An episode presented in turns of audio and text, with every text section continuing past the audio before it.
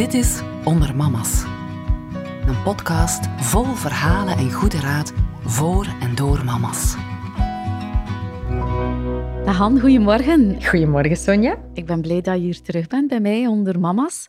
Ondertussen is de herfst wel heel vastberaden geworden. Hè? Inderdaad. Maar ik ben persoonlijk wel een herfsttype. Ik ben eind augustus ook de zomer een beetje beu. En dan hou ik er wel van, van de avonden die wat vlugger donker worden. Maar tegen februari ben ik nou ook weer beu. ja. Oké. Ik duik graag samen met jou in eh, de vragen hè, die binnenkwamen uh, na de uitzending van de vechtscheiding Wil je geluk of wil je gelijk? En in deze aflevering gaan wij het hebben over adviezen. Uiteindelijk is het belangrijk dat wij handvaten en oplossingen aanbieden. Mij is vooral bijgebleven van de vorige aflevering dat jij als kind van gescheiden ouders er toch in geslaagd bent om uh, de negatieve ervaringen om te buigen in mm -hmm. positief. Voor mij kom jij als een heel positief mens over. Ik vind dat altijd heel fantastisch. En het hoeft echt geen vechtscheiding te zijn. Hè, als je samen de ouders blijft zoals je dit al mm -hmm. altijd was. Dat heb ik begrepen uit de ja. vorige aflevering. Ja. Vond dat eigenlijk een heel mooi gedachtegoed. Ja, dat is hè, vooral dat onderscheid maken tussen de relatie die jullie hadden als ex-geliefde en dan de relatie die jullie altijd zullen blijven hebben als ouders. En echt wel proberen de gevoelens rond het ene niet in de weg te laten staan in de andere rol. Ja. Deze aflevering heb ik dan ook heel positief genoemd vechtscheiding. Geef me liever schoonscheiden of geluk. Hè? Ja. Omdat wij leren uit ervaringen van andere mama's. Ja. En het is de bedoeling om positief in het leven te blijven staan als mama, ook in moeilijke situaties. Ja, je kunt niet anders. Je hè? kunt niet anders. De situatie is wat ze is. Die kun je toch niet veranderen. Maar je hebt wel twee manieren om ermee om te gaan. Ja. Dus kun je beter kiezen voor de goede manier. Hè? Ja, en wij kregen dus ook toch wel een aantal vragen binnen van luisteraars, hè, die we jou graag voorleggen. Jij bent als ervaringsdeskundige dus zeer goed geplaatst. Ik heb jouw boek Blend ter hand mm -hmm. genomen en ik vond ook wel heel veel aanknopingspunten. Mm -hmm. En uh, ik begin eigenlijk met een vraag die deze ochtend binnenliep via onder mama's Instagram. Maar ik moest ze wel anoniem stellen. Ja, maar dat merk ik ook wel door het onderwerp. Er is toch nog altijd een bepaalde schroom of een bepaald gevoel van schuld of schaamte dat mensen wel hebben om daar toch zich kwetsbaar voor over op te stellen of om daar um, over te spreken. Ik schrik daarvan omdat ik daar zelf anders in ben. En eigenlijk, 2020 is wel een heel speciaal jaar. Ik heb zo het gevoel dat corona wel de toon zet en dat de gezinssituatie extra onder druk komt te staan. Dat klopt, 100 procent. Ja. En zeker, zoals dat ik toch ook gelezen had in de kranten, was uh, vooral gezinnen met kleuters. Ik heb het wel ondervonden dat er inderdaad uh, toch wel een bepaalde druk komt. Want ik hoorde enerzijds mensen die eindelijk tijd hadden om uh, hun kasten op te ruimen. Een bepaalde quality time waar dat ze zich eigenlijk niet van bewust waren dat ze die zo nodig hadden en dat daar eigenlijk corona wel iets heel positiefs had teweeggebracht.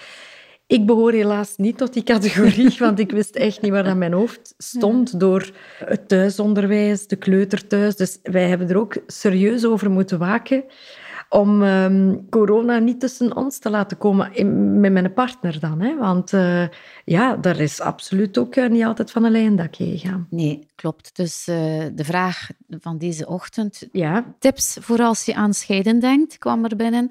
waaraan te denken en hoe beginnen? Um, ik ken natuurlijk de achtergrond niet van de vraag. Hè. Hoe eraan beginnen. Scheiden, dat doe je niet van de ene dag op de andere. Wat ik wel weet, is nu dat dit inderdaad een heel atypische periode is. En mocht ik in een situatie zitten van ik weet het echt niet meer, als er geen sprake is van misbruik op een bepaalde manier, ik bedoel echt dat er onrespectvol met u wordt omgegaan, maar dat het puur is van kijk, we hebben het gevoel, we hebben zwaar onder druk gestaan, er zit sleur in de relatie. Als dat de redenen zouden zijn en er is verder geen sprake van vertrouwensbreuken of wat dan ook, dan zou ik zeggen, hold your horses. Want dan zou ik niet in deze tijden zo'n grote beslissing nemen. Dan zou ik wachten tot wanneer de, al die zaken, ook al duurt dat wat langer, hè, en, en, en gaan we er nog niet morgen van verlost zijn van, van het virus. Maar ik vind dit niet de juiste periode om zo'n knopen door te hakken. Ja. Ook al is het nu moeilijker dan ooit. Sommige problemen die er al voordien waren, die worden nu eigenlijk uitvergroot. Dat klopt, maar in het gewone dagelijkse leven heb je dan veel meer ontsnappingsroutes. Hè? Afspreken met de vriendinnen, gaan sporten, dit en dat. Maar geen relatie is perfect. Iedereen heeft die ontsnappingsroutes nodig.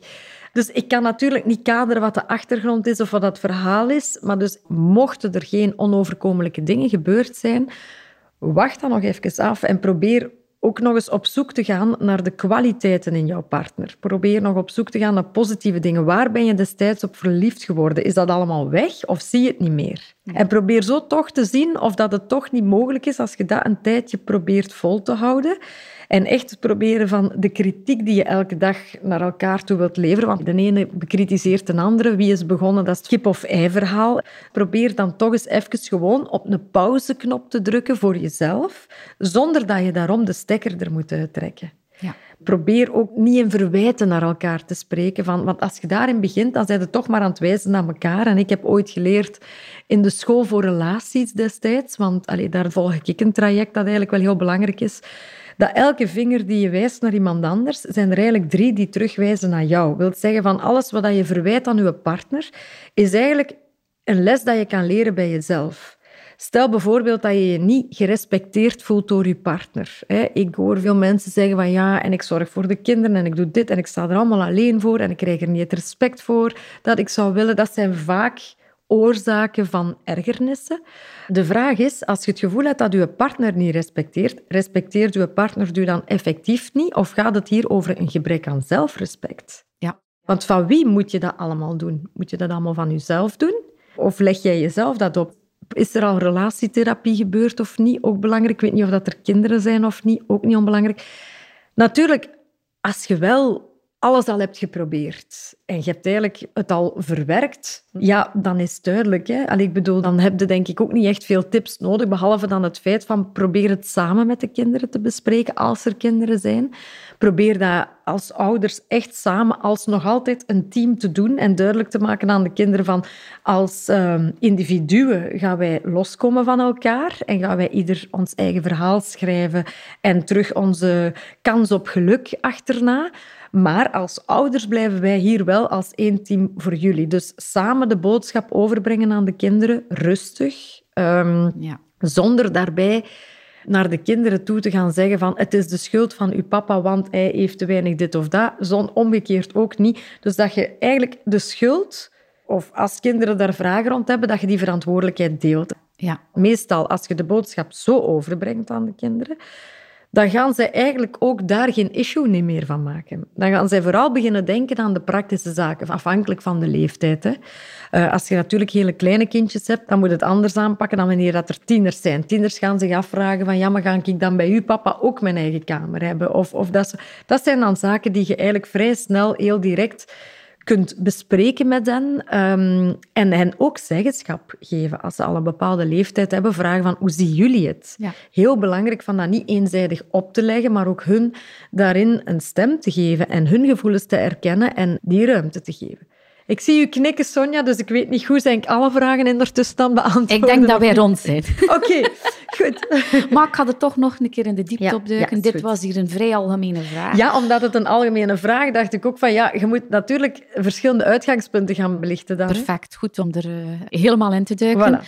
There is no perfect life, but we fill it with perfect moments. Ja. Er kwam ook een vraag binnen van Justine. Mm -hmm. En daar vind ik eigenlijk een terugkerend thema in, het ideaalbeeld. Ah, ja.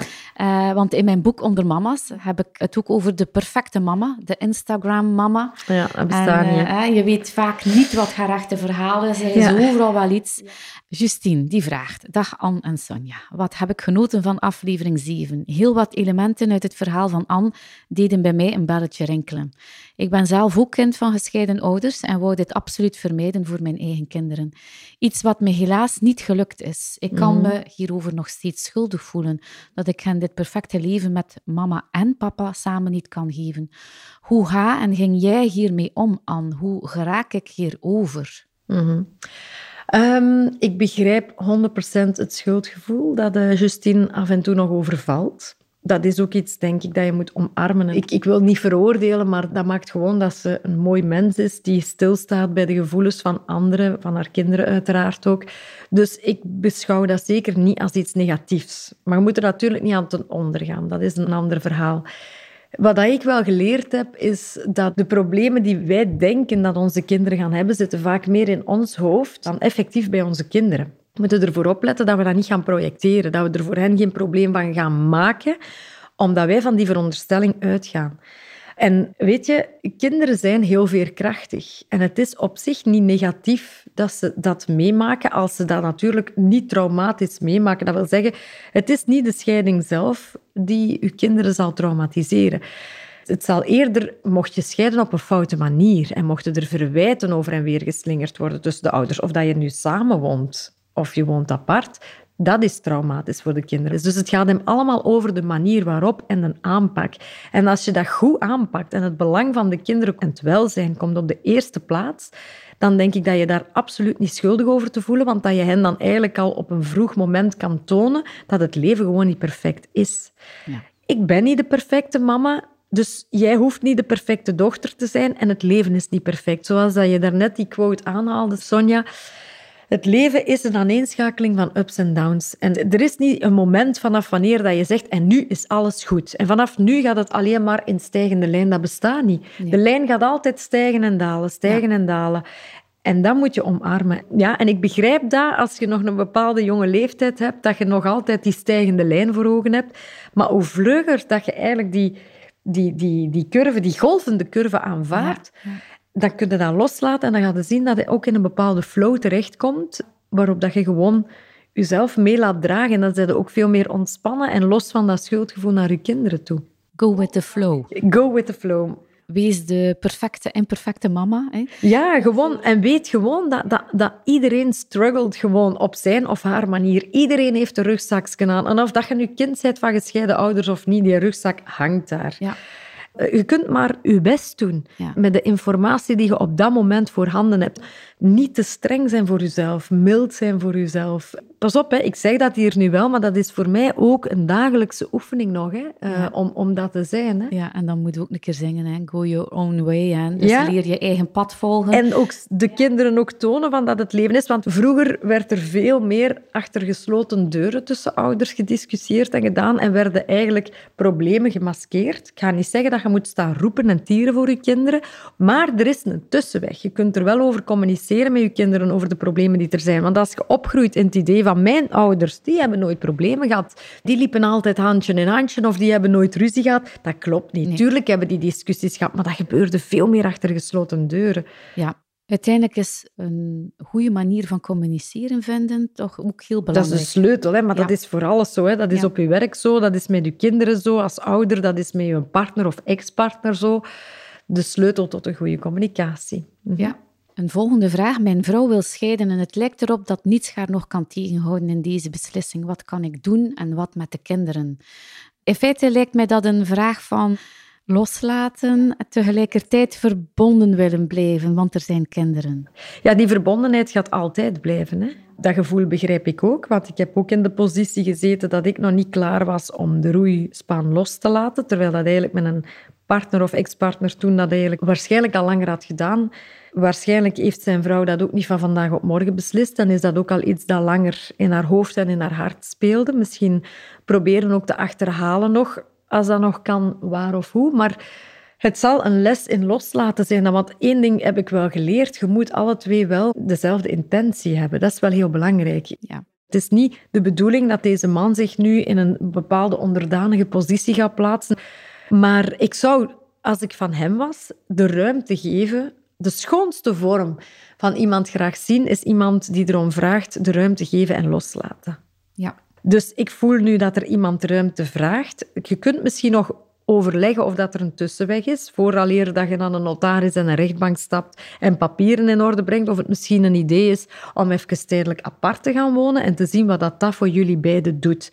Maar sowieso aan deze man, verbonden blijf je voor altijd. Dus als je het gevoel hebt van ik wil deze vrouw niet kwijt uit mijn leven, dat ga je sowieso niet hebben. Want die vrouw gaat altijd een deel uitmaken van je leven. Jullie relatie gaat misschien een ander etiket krijgen. Ja. Ik heb ook gelezen dat een van jouw quotes, het gezondste dat je kan doen, is zo snel mogelijk achter, de beslissingen staan, van de andere, maar dan zit je al eigenlijk in een, ja, een andere fase. Wanneer dat je er samen op hetzelfde moment achter komt van het is op, is dat natuurlijk het ideale scenario. Maar veel vaker is het zo dat één iemand de handdoek in de ring wilt gooien en dat de andere persoon dan nog niet klaar voor is. Nu, de persoon die die handdoek gooit, heeft het eigenlijk al verwerkt. Ja. En effectief, ik herken wat de man zegt, van niets kan haar op andere gedachten brengen. Dat is ook zo dan. Dat is ook zo. Je kunt, je kunt het niet. Dus het gezondste voor hem is inderdaad om anders naar de relatie met deze vrouw te gaan kijken. Namelijk te gaan kijken van wat is er wel nog. Ja. We hebben onze kinderen samen. We hebben al die jaren, al die tijd samen, waarin dat we een heleboel mooie herinneringen... En die blijven daar. Die, die, die, verdwijnen nu niet. Nee, die blijven voor de rest van je leven deel ervan uitmaken. Dus probeer toch een keer bij jezelf te gaan kijken. Oké, want elk verhaal, wie de handdoek ook in de ring gooit, heeft twee kanten. En hoe groot of hoe klein ook, dat kan 1% tegenover de 91% zijn, maar dan nog is het veel belangrijker om te weten waar die 1% van u ligt, dan nu te focussen op die 99% van de ander. Want dat is het enige stuk wat je kan aanpakken en waar je iets aan kan doen. En als je dat doet, ga je ook dat patroon kunnen doorbreken naar de toekomst toe. En als je dat niet aanpakt, dan ga je gewoon na een tijd een andere fantastische partner tegenkomen die in het begin al uw behoeftes uh, opvult en nog meer en schoner dan dat ooit geweest is. Maar dan ga je na een tijd ondervinden dat dezelfde problemen in een ander jasje terugkomen. Dus probeer aan deze man dan ook deze kans aan te grijpen. Niet alleen om ruimte te geven aan de vrouw, maar ook aan uzelf. Heb ik alles gekregen wat ik verlangde? Of heb ik eigenlijk ook mezelf tekort gedaan in die relatie, maar was ik er gewoon tevreden mee? Misschien ligt er ook voor deze persoon nog een mooier pad te wachten. Ja. In elke crisis ligt vaak een geschenk verborgen. Ga op zoek naar het geschenk. Never waste a good crisis. Mhm. Ik las ook in jouw boek de Zwitserse psychiater, hè, Elisabeth Kubler-Ross, als ik het goed uitspreek, een slimme mevrouw, Mhm. die ontwikkelde een uh, rouwmodel dat Mhm. ook bij scheidingen uh, toepasselijk blijkt te zijn. Dus met de vijf fasen, Mhm. hè, ontkenning, woede, onderhandelen, depressie, Ik ben blij dat jij ze hebt opgeschreven, Sonja, want ik zou ze niet zomaar kunnen herhalen. Maar eh, blijkt wel zo te zijn, denk Ja. ik, in de realiteit. Je begraaft niet iemand bij een scheiding, maar je begraaft iets. En dat is eigenlijk een terugkerend verhaal. In een eerste fase eh gaat er natuurlijk in shock. Dat is die ontkenning, dat, zijn uw, dat is onze overlevingsstrategie. Hè. Ehm, omdat de shock is eigenlijk zodanig zwaar dat je in die ontkenning gaat. Maar dan natuurlijk komt er wel een gewenning aan dat nieuwe idee. En dan komt ook vaak die kwaadheid erbij kijken. En dan hoor ik vaak dat mensen zeggen... Ik had eigenlijk liever gehad dat mijn partner iets overkomen was en dat hij er niet meer was, dan dat hij er wel was of zij en bewust niet meer voor mij kiest. Als iemand zegt van ik zie het niet meer zitten met jou, dan is eigenlijk van oei, je hebt er alles aan gedaan, je hebt ervoor gevochten, gaat dan, wat is er mis met mij? Je bent gewoon misschien niet gemaakt om voor altijd samen te blijven. Je was een bepaalde tijd een goede match. Dat heeft dan misschien soms ook kinderen opgeleverd als resultaat, een andere keer niet. Maar iedereen evolueert in zijn leven. Maar wat dat wel een feit is, je moet je droom of je toekomstbeeld begraven en aanpassen en wijzigen. En dat is ook heel pijnlijk. Dat heeft je een tijd ook nodig, want gedurende zo'n lange tijd is zowel je privéleven als je professionele gericht op dat gezin en om daar alles voor te doen en om de personen die je graag ziet, om daar alles in te investeren. Ja, en plots gaat die onderneming failliet. Ja, Zo is Ja. het, hè? eigenlijk wel. Het is mooi dat er toch wel handvaten zijn om inzicht te krijgen in hoe dat je dat Ja. ervaart. Weet dat dat een curve is. Weet dat dat fases zijn. Weet dat de kwaadheid en het verdriet die je voelt, weet dat dat slijt.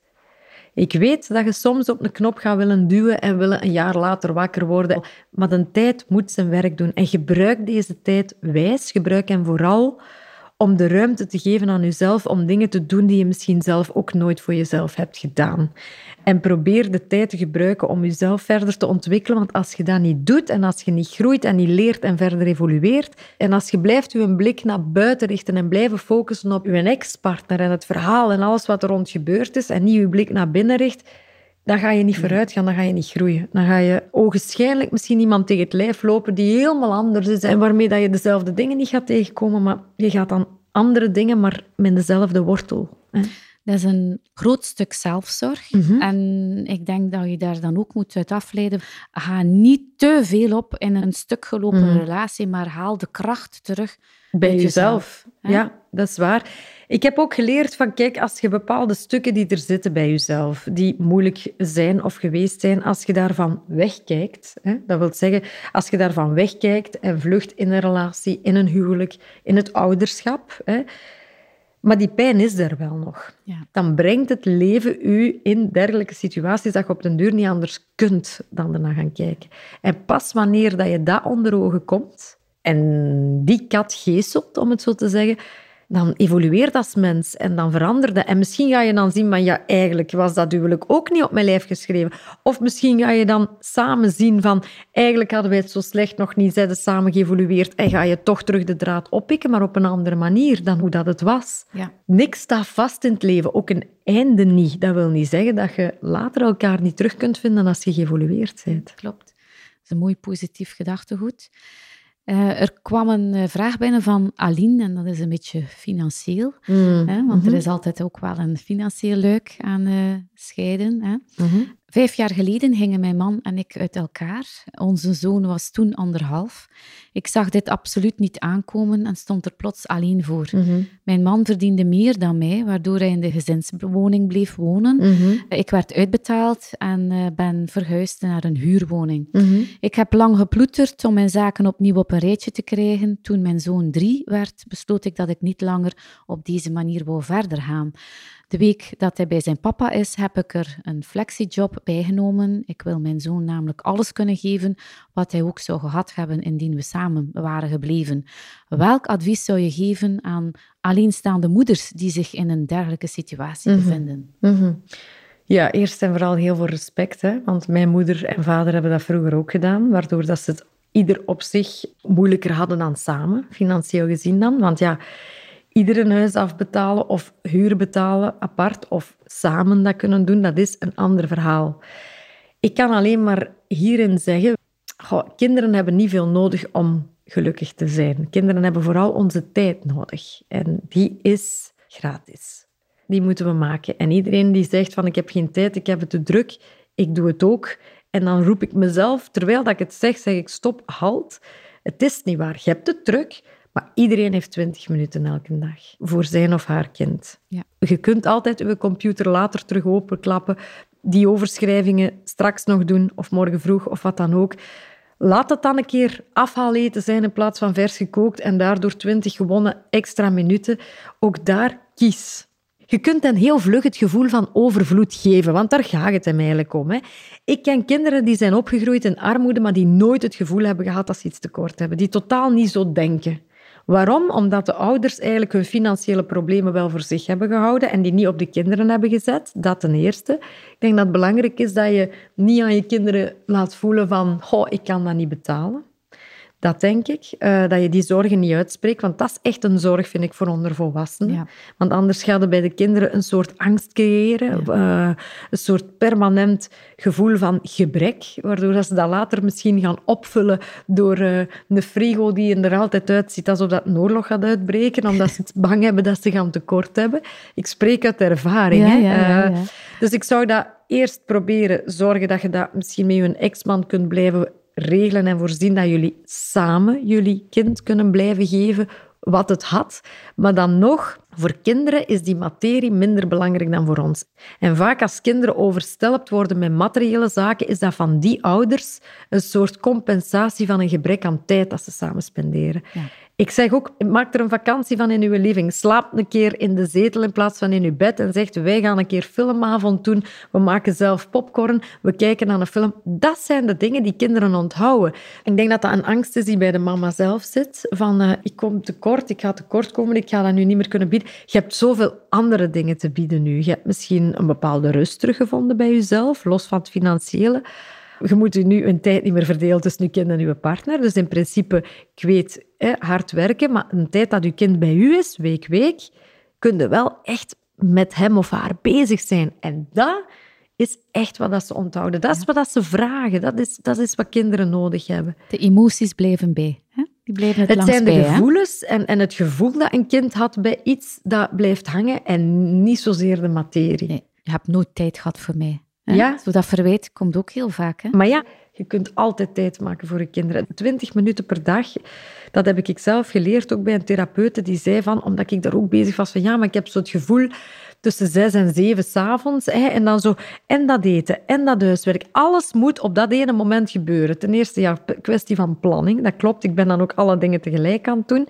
Maar dan nog, laat die keuken een keer liggen Allee, ik bedoel, ja, dan, dan je dat nadien op. Maar maak die 20 minuten tijd, bouw samen die toren, lees dat verhaal voor. En laat zien aan je kind, met een telefoon en het vuil in de keuken is minder belangrijk dan tijd met je doorbrengen. Maar wat doen we? Nee, ik moet eerst nog die telefoon oppakken. Nee, ik moet nog een bericht sturen. Nee, ik ben nog aan het scrollen op HLN. Dus dat kind heeft zoiets. Dus dat is allemaal belangrijker dan ikzelf. En het is dus veel belangrijker om te tonen van, jij zet mijn prioriteit en ik ga dat nu laten zien door 20 minuten van mijn een tijd 100% op u te focussen en alles andere dingen weg te leggen. En dat is het schoonste cadeau dat je het kunt geven. Want eigenlijk een uh, relatie herleiden en als het dan scheef loopt op het financiële, zou dit kunnen, omdat het uh, de basis is om echt dan te kunnen spreken van een vechtscheiding. Het financiële die dan voorop komt te staan en niet het mhm. relationele. Mhm.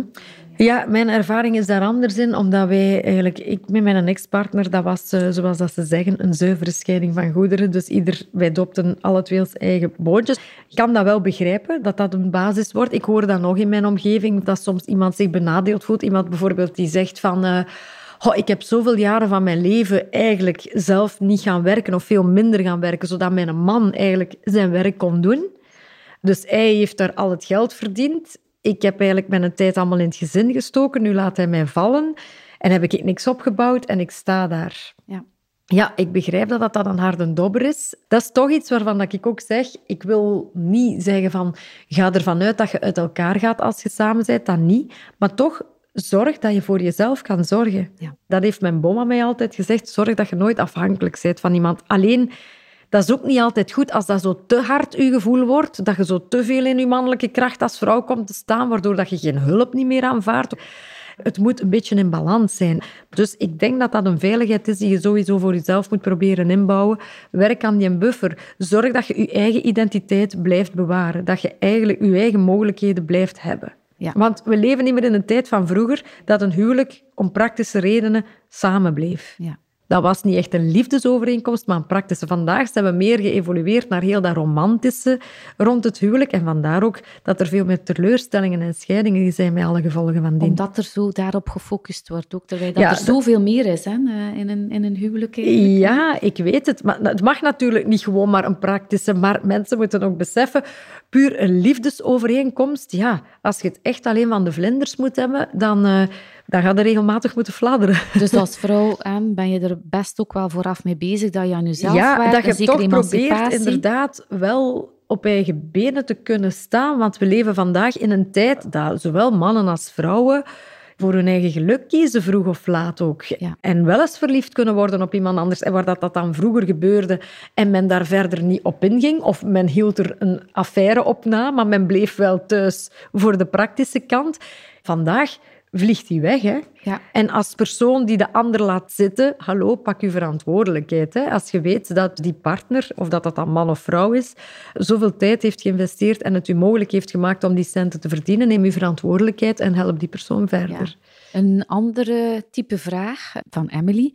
Sinds het begin van dit jaar ben ik niet langer gelukkig in mijn relatie. Een scheiding spookt al een tijdje door mijn hoofd. Maar de gedachte dat ik mijn dochter maar de helft van de tijd zou zien, houdt me tegen. Hoe zorg ik ervoor dat dit vlot verloopt en mijn dochter hier niet gaat vanaf zien? Kinderen hè, liggen Je kunt dat niet voorkomen, hè? Ik hoor iemand die niet meer gelukkig is sinds begin dit jaar. We zijn nu al najaar. Dat is al een tijdje. Wat is de oorzaak van dat ongelukkig zijn? Is dat werkelijk de relatie of is dat een soort van ontevredenheid die altijd terugkomt bij jezelf? Want het is, is vaak ook dat we denken dat het de relatie is die ons ongelukkig maakt, maar als we verder gaan kijken, ja, is het een sluimerend gevoel van bij jezelf. Dus ik probeer altijd eerst te preken voor, probeer toch te kijken en te zien van, staat uw negatieve bril niet op? Hè? En zijn er geen positieve zaken die je uit het oog verliest? Dat is het eerste. Het tweede is, als dat echt niet is en je bent doodongelukkig, ja, het beste voorbeeld wat je je dochter kunt geven, is terug gelukkig worden. Je geeft geen goed voorbeeld door ongelukkig te blijven voor je kind. Want dan gaat ze later hetzelfde doen. Je moet sowieso lang genoeg blijven vechten, maar niet voor het kind alleen. Hè. Ook voor jezelf, ook voor de relatie. Belangrijk is dat je in de eerste plaats ontdekt, wat maakt mij echt ongelukkig? Als het dan toch allemaal zover is, en je moet wel week-week bijvoorbeeld doen. Ja, er zijn andere vormen dan week-week. Week-week is zo gezegd wat wordt aangemoedigd door de rechter. Maar uh, ik hoor ook meer en meer mensen die zeggen drie dagen dan twee dagen en, en dan een weekend en dat terug om de beurt, om eigenlijk de tijd apart niet te lang te maken. Ook als ouder, hoe pak ik dat aan? Probeer aan uw kind ook duidelijk te maken van ah, ik ga u missen en zo. En ik begrijp dat dat is goed bedoeld, hè. Maar je moet ook niet het gevoel geven van oh, hoe ga ik dat hier overleven zonder u? Want dat kind gaat dan naar de andere ouder met het idee van oei, mijn mama of papa zit daar nu... Ja komt niet toe met alle promoties van Kleenex die er bestaan in de supermarkten. En terwijl dat jij misschien uh, ondertussen eentje aan het drinken bent met een vriendin. Ja. Dus het kind is daar heel erg mee bezig, met jouw gevoel op dat moment. Dus probeer dat gevoel toch een beetje in balans over te brengen en te zeggen van kijk, ik ga je missen, maar ik ga er ook een leuke tijd van maken, want ik heb afgesproken met die vriendin. En ik. Of meer de focus, niet te zeggen ik ga je missen, maar te zeggen ik ga blij zijn als ik je volgende week ga terugzien. Dan heb je eigenlijk hetzelfde verteld als wat je wilt meegeven. Want je toont dan van, kijk, ik wil je eigenlijk niet kwijt. En kijk nu al uit dat ik u ga terugzien. Maar het kind gaat niet het gevoel hebben dat je gebroken op de zetel ligt te wachten. Ja, want dat is ook terug weer die emotie die je overzet. Hè? Ja, dat zijn volwassen emoties. En kinderen mogen van een stukje van die emoties wel zien en er deel van uitmaken. Maar beseft gewoon, ik weet dat vroeger ook nog, allee, ja, als er zo bepaald verdriet bij mijn ouders zat, dat zette eigenlijk mijn verdriet aan de kant. En daardoor focuste ik op hun verdriet en ging ik mij eigenlijk echt als een pleaser gedragen om dat verdriet bij mijn ouders te gaan wegnemen. Ik weet dat iedereen dat met de goede bedoelingen doet, maar wees u ervan bewust welke strategieën dat uw kind daardoor ontwikkelt. Ja. Uw kind ontwikkelt een strategie, ik moet mijn mama of papa redden. Ik moet die gelukkig maken. Ik mag niet laten zien dat ik ook verdrietig ben, want mijn mama is verdrietig of mijn papa is verdrietig. Wij zien als ouders onze kinderen onvoorwaardelijk graag. Maar het is vooral de liefde van een kind, een klein kind, jong kind, naar de ouders dat onvoorwaardelijk is. En dan vragen zoals, hè, wat als er een nieuwe partner verschijnt? Hè? Ah, ja. Fiona, hoewel ik de beslissing nam om te scheiden, is de gedachte dat er mogelijk een andere vrouw voor ons kind zou zorgen vreselijk als ik daaraan denk. Wat als mijn ex-man een nieuwe partner heeft en ik mijn kind ook met haar moet delen? Ja, dan gaat het even over terug, die geestelijke gezondheid, het geluk, samenleven, dat mhm. barst nu uit elkaar. En er gaat dan ook nog een keer iemand anders voor mijn kind gaan zorgen. En dat is dan soms misschien zelfs de persoon die je partner heeft afgepakt. En dan wordt het helemaal... Hè. Nu, bij ons was er geen derde in het spel op het moment. Wij hebben wel vrij snel op mijn vraag samengezeten over wat als omdat je weet, hoe harder dat iemand roept, ja, maar voor mij hoeft het niet meer. Hè? Ja, maar hij zegt dat hij nooit nog iemand moet hebben. Dat zijn dikwijls degenen die het rapste nog met iemand thuiskomen. Dat gebeurt. Wij zijn niet gemaakt om alleen te zijn. Dus ook uw ex-partner zal vroeg of laat iemand tegenkomen. Het is belangrijk dat je daar samen al over spreekt, nog voor misschien dat die persoon in spel is zodanig dat je van elkaar weet hoe dat je erin staat. Ik heb op die manier duidelijk gemaakt aan mijn ex-partner van kijk, ik vind het wel belangrijk als jij iemand leert kennen, dan zou ik wel graag eerst die persoon ook leren kennen en, en, en gewoon zelf voelen. En dan is dat toch anders als je kind meegeeft dan wanneer dat je, dat je eigenlijk weet, er gaat nu iemand zorgen voor mijn kind dat ik totaal niet ken. Dus wij, wij zijn dan iets gaan drinken. Uh, en zo hebben wij elkaar leren kennen en dat werd dan een ander verhaal. Dus bespreek dat op voorhand, wanneer dat dan nog over een fictieve persoon gaat, zodat het niet persoonlijk over die persoon kan gaan. Ja. Dan is dat vaak het beste. Wat je daar beslist, zet dat zelfs even op papier, stuurt dat op e-mail naar elkaar, zeg voilà, daar zijn we overeengekomen. Dan heb je achteraf iets om op terug te vallen. Ja. En dat zorgt dan voor mindere discussies. Is er natuurlijk iemand gaan lopen met je partner hè? en moet je dan ook nog eens je kind meegeven aan je partner en die persoon mee ervoor laten zorgen, weet dan ook, oké, in de liefde ben je gekwetst, maar misschien is die persoon wel een keigoeie stiefmama of stiefpapa voor je kind. Ja. Geef die persoon ook die kans. Allee, je wilt dan toch liever je kind ook meegeven en denkende van er gaat goed voor gezorgd worden dan dat die persoon er slecht voor zorgt. Want als je hoopt dat die persoon niet goed gaat zijn voor je kinderen, dan heb je een ego-probleem. Ja. Dan is je ego groter dan uw wil tot welzijn van uw kinderen. Ja. Hm? Dat is wel belangrijk. Ik koppel daar onmiddellijk de vraag van Lindsay aan. Mijn partner heeft kinderen uit een eerste relatie. Hij en zijn ex-partner zijn niet op een gemoedelijke manier uit elkaar gegaan mhm. en zitten dus in een echte vechtscheiding. De kinderen zijn één weekend op twee bij ons. Naarmate ze ouder worden, merken we dat ze niet graag meer komen en verdrietig zijn wanneer ze worden afgezet. Wij denken, of we zijn ervan overtuigd, dat de ex-partner ons zwart maakt bij de kinderen. Wat kan je hier als plusouder dan aan doen? Mhm. Wat denk je hierover? Uh, ja, dat is inderdaad een situatie die regelmatig voorkomt. Hè, dat er toch negatief gesproken wordt over de andere plek. De tweede thuis, hè, laten we het zo even noemen. Als plusouder kun je een luisterend oor zijn voor de kinderen om te beginnen. Probeer daarin ook niet de goeie te zijn. Hè. Probeer niet met alle glans en sterren te gaan lopen door goed te praten. Probeer dat echt te doen om hem te helpen en niet om zelf te scoren als plusmama. En om beter te worden dan zogezegd hun biologische mama, want dat is een strijd die je nooit mocht aangaan, die je niet mocht leveren. Als je ermee spreekt, doe het met de juiste intenties. Doe het niet naar een eigen hang van erkenning van uw plekje, maar doe het echt om die kinderen te helpen. Ik zou in de eerste plaats proberen toch de papa aan te moedigen of de mama waarmee dat je samenleeft, om het gesprek aan te gaan met zijn ex-partner en hen dan aan te moedigen om het gesprek aan te gaan van non-agressieve communicatie. Wat is dat? Niet spreken en verwijten. Niet gaan zeggen van, zeg, de kinderen die komen altijd uh, super uh, triestig hier toe en uh, jij zit daar slecht over ons te praten en dit en dat. Dat zijn veronderstellingen, dat zijn verwijten. En als je daarmee begint, zeg maar zeker dat je de bak honderd keer erger op je krijgt terug afgekapt. Hoe kun je dat formuleren? Je zegt niet van, het is zo, je zegt, ik merk dat. Ik merk dat de kinderen zich niet zo goed voelen als ze naar hier komen. Ik heb het gevoel dat dat misschien iets te maken heeft met wat er bij jullie gebeurt of bij jou gebeurt. Ik vraag me af hoe, hoe dat het komt en kun jij mij hierbij helpen of wat denk jij of hoe zie jij dat?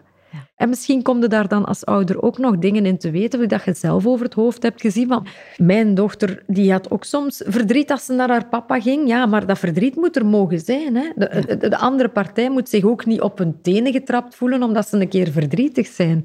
En soms een keer minder gelukkig lijken dan op de andere plaats. Misschien gebeurt dat op de andere plaats evenzeer. Maar weet het gewoon niet van elkaar. Probeer met de ex-partner dat gesprek aan te gaan vanuit een non-agressieve manier. Ja. Als je nu terug zou kijken op je relatie en scheiding, vraagt Iris, welke raad zou je dan geven aan je jongere Anne, hè, zijnde? Uh, welke hmm. tips heb je meegenomen in je nieuwe relatie om een scheiding te voorkomen? Hè? Ah ja, scheiding voorkomen. God. Ik denk, ik ben sowieso al iemand geweest die altijd beseft heeft dat gras niet groener is aan de overkant. Ik heb ook beseft van je kunt jezelf veranderen, maar iemand anders kun je niet veranderen. Ik had vroeger zo de drang, door bepaalde zaken die ik had meegemaakt, vond ik mijn rust in zaken te controleren in mijn omgeving. Ik kende dan propere keuken, de kussens, de dit, de dat, zo je ritueeltjes hebben waar dat je eigenlijk aan vasthoudt. Dat is een vorm van het gevoel van valse controle, maar dat slaagt natuurlijk op niks. Dus ik zou als raad geven, probeer aan jezelf te werken nog wanneer dat je in de relatie zit of in het huwelijk zit. Probeer voor de spiegel te staan en te zeggen van oké, is mijn stuk? Want een relatie, je werkt altijd met twee en een relatie is er om te leren.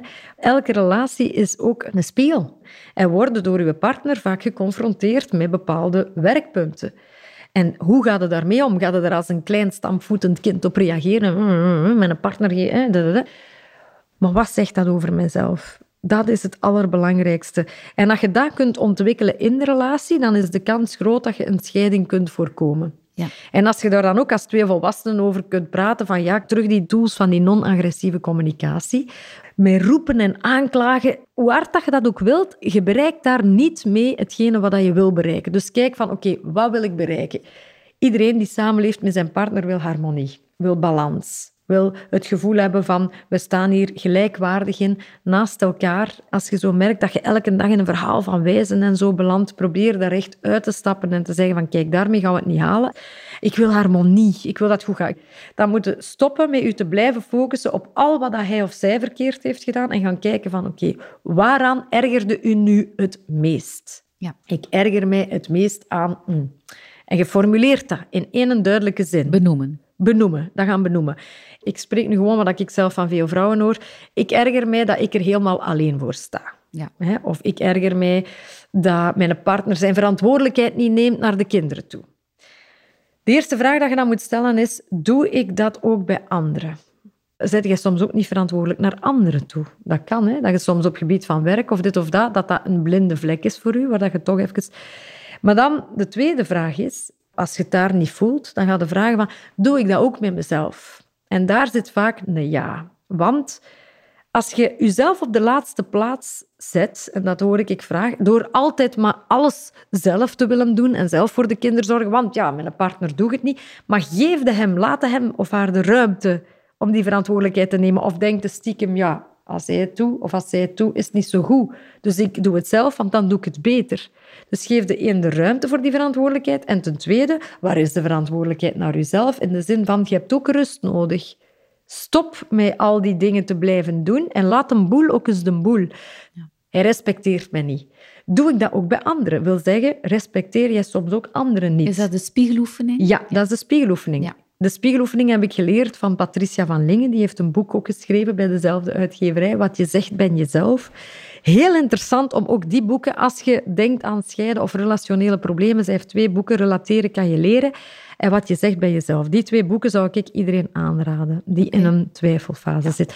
Of zelfs sowieso als je in een relatie zit. Ja, vind ik twee aanraders. Want daar zit de spiegeloefening en met dat spiegelen kom je heel ver.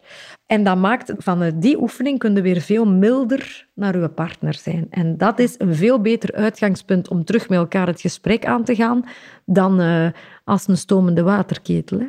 Veronderstel als er dan nog een kindje samen hè, mm zitten dan in ja, dat is jouw situatie. situatie We hebben uh, ieder een kind en dan nog een kindje hè? samen. Dat zijn ook uh, situaties die het uh, ja, toch wat, wat extra nog, aandacht ja, vragen. Hè?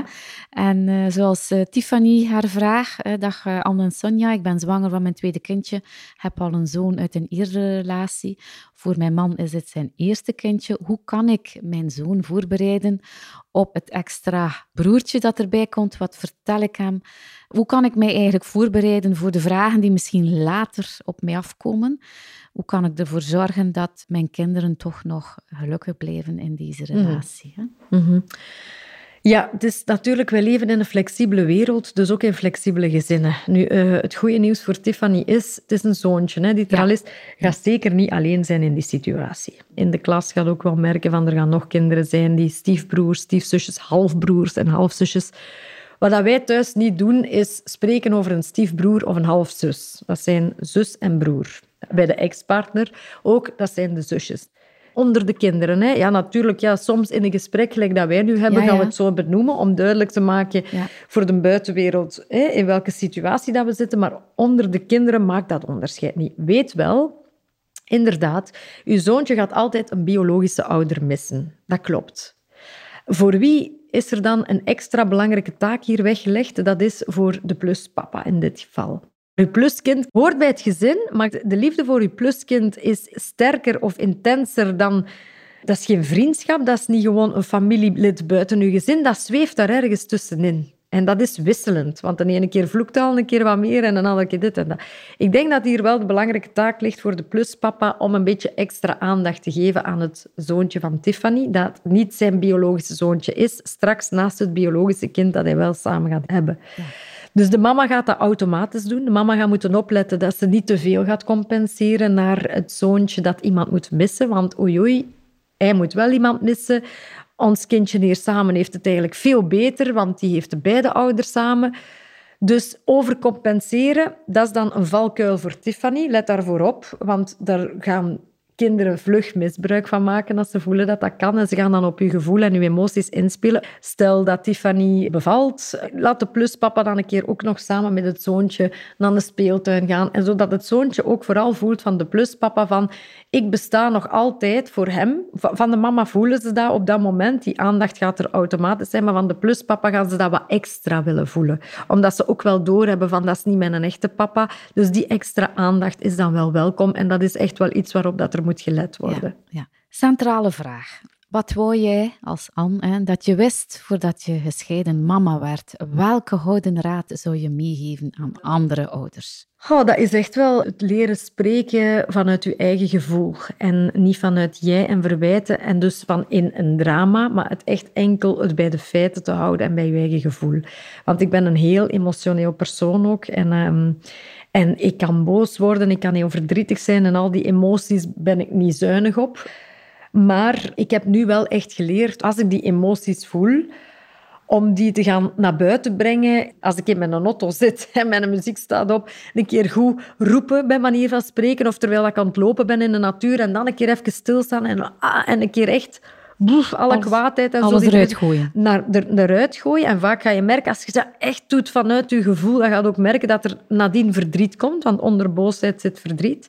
Maar het is heel belangrijk dat je die kwaadheid naar buiten brengt. Want als je die altijd maar wegslikt en wegduwt, dan blijft die sluimerend aanwezig.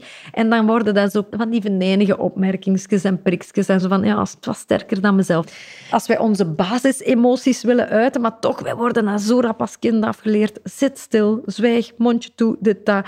Als we op een begrafenis zitten, ik heb het misschien de vorige keer ook gezegd, zie je ons zitten, eh, het liefst nog met een bril op, twee gordijnen van haar ervoor, een zakdoekje erbij en zo'n keer voorzichtig deppen. Een begrafenis in Afrika, die vrouwen die zwieren er alles uit wat ze voelen.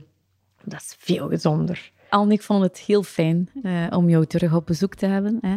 Uh, hartelijk dank voor de Graag fijne gedaan. gesprekken. Ik bedank ook iedereen voor het luisteren, voor de vragen. Binnen twee weken ben ik er opnieuw met een nieuwe verrassende gast. Ben jij al lid van ondermamas.be, de online community voor mama's in spe en mama's met jonge kinderen? Kom terecht in een warme wereld waar mama's elkaar ontmoeten en wijsheid en ervaringen onderling kunnen delen. Nog meer tips over machtig moederschap? Ga naar de website, registreer je, praat met andere mama's en lees. Want mama, je staat er niet alleen voor. Onder mama's. Leren uit ervaringen